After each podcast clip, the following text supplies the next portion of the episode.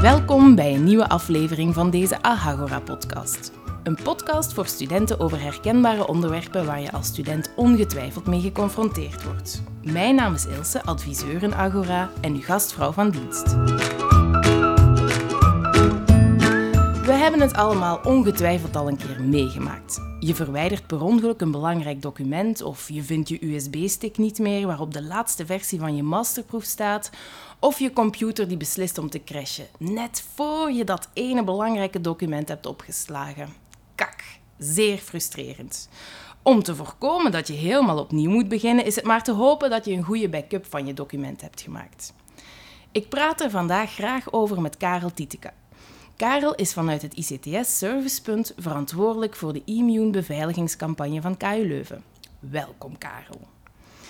Karel, waarom is het nemen van een backup zo belangrijk? Wel, uh, we hebben twee soorten bestanden op onze computers. Bestanden die we van internet of van medestudenten gekregen hebben en die we makkelijk opnieuw kunnen downloaden. En aan de andere kant persoonlijke bestanden die we zelf gemaakt hebben. Aan die persoonlijke bestanden hangen herinneringen die je niet kwijt wil. Bijvoorbeeld foto's of waar je heel veel werken hebt gestoken, je paper of je masterproef. En die tijd en dat werk wil je ook niet kwijt. Computers en digitale apparaten kunnen we kwijtraken of kunnen kapot gaan. Ze zeggen wel eens van uh, er zijn twee soorten mensen. Mensen die backups hebben uh, en mensen die nog nooit een datacrash hebben meegemaakt. En hoe maak je nu een goede backup? Wel, je moet dat eigenlijk doen zonder erbij na te denken. De beste backup is de backup waar je niet aan herinnerd moet worden, waar je geen klusje voor moet doen. Want anders begin je dat na een tijd te vergeten of minder vaak te doen. En net dan heb je je backup het hardst nodig. Het liefst dus via een automatisch programma dat op de achtergrond draait. Windows, macOS en Linux hebben automatische backup tools aan boord. Oké, stel ik heb een goede backup, maar waar zet ik dan die backup? Wel, um, je kan uh, kiezen, hè. er zijn heel wat mogelijkheden op een USB-stick, een harde schijf of in de cloud. Het hangt een beetje samen met mijn vorige antwoord. Hoe automatischer, hoe beter. Een uh, USB-stick of een USB-schijf werkt alleen maar als je hem ook effectief inplugt. Dus daarom is het een uh, goed idee om automatisch te backuppen via het netwerk. Dat kan via een netwerkschijf die bijvoorbeeld op je kot verbonden is met het netwerk, of dat kan via een cloud backup dienst. En uh, heeft KU Leuven zo een cloud storage aanbod? Ja, absoluut. Via onedrive.kuleuven.be heeft elke student 2 terabyte opslagruimte in de Microsoft Cloud. Het is dus een goed idee om je bestanden daar te zetten en er van daaruit ook aan te werken op je bijvoorbeeld een OneDrive-document van op je OneDrive, dan wordt dat bovendien continu opgeslagen, zonder dat je iets hoeft te doen. Dat maakt het heel geschikt om tegelijk samen aan een document te werken met medestudenten van op afstand, maar dat zorgt er ook voor dat je nooit meer dan pakweg een minuut werk kwijt bent als je pc onverwacht uitvalt. Ja. ja, en daarvoor moet je natuurlijk continu met het internet verbonden zijn. Stel, het is een mooie zonnige dag en ik wil graag in het park aan mijn paper werken. Uh, hoe doe je dat dan? Wel, in Leuven is er gelukkig op heel veel plaatsen wifi, dus je moet al goed zoeken naar een plekje zonder internet. Maar heb je toch ergens een oase van rust gevonden en wil je zeker zijn dat je je werk niet kwijtraakt, ja, dan is het een goed idee om op dat moment een kopietje te nemen op een USB-stick.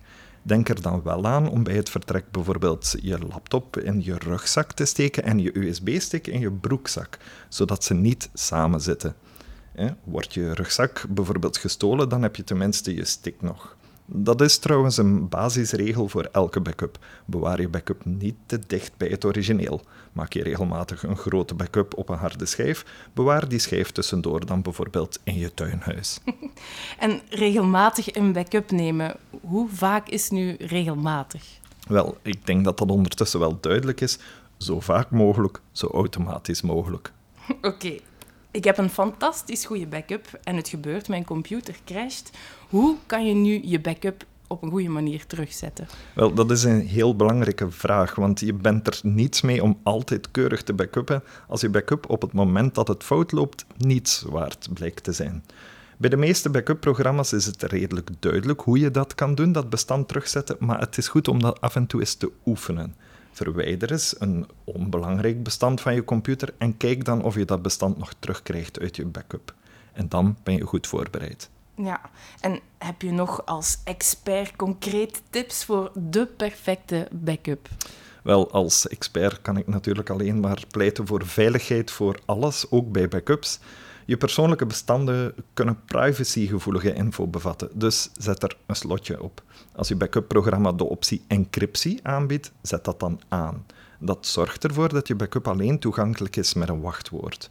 Je zorgt dan best ook voor een sterk wachtwoord natuurlijk. Wordt je backup-schijf dan gestolen uit bijvoorbeeld je tuinhuis, dan is de dief er niets mee. Vind je in een backup-programma een optie voor versies, zet die dan ook zeker aan. Dat zorgt ervoor dat er verschillende kopieën van elk bestand worden bijgehouden. Dat neemt wat meer schijfruimte in, maar dat zorgt ervoor dat je op elk moment in je tijdmachine kan stappen en kan teruggaan naar een eerdere versie van je document. Ook al heb je een belangrijke paragraaf per ongeluk verwijderd uit je document en het daarna bewaard. Oké, Karel, dankjewel voor dit gesprek. En ook jullie bedankt om te luisteren en tot de volgende keer.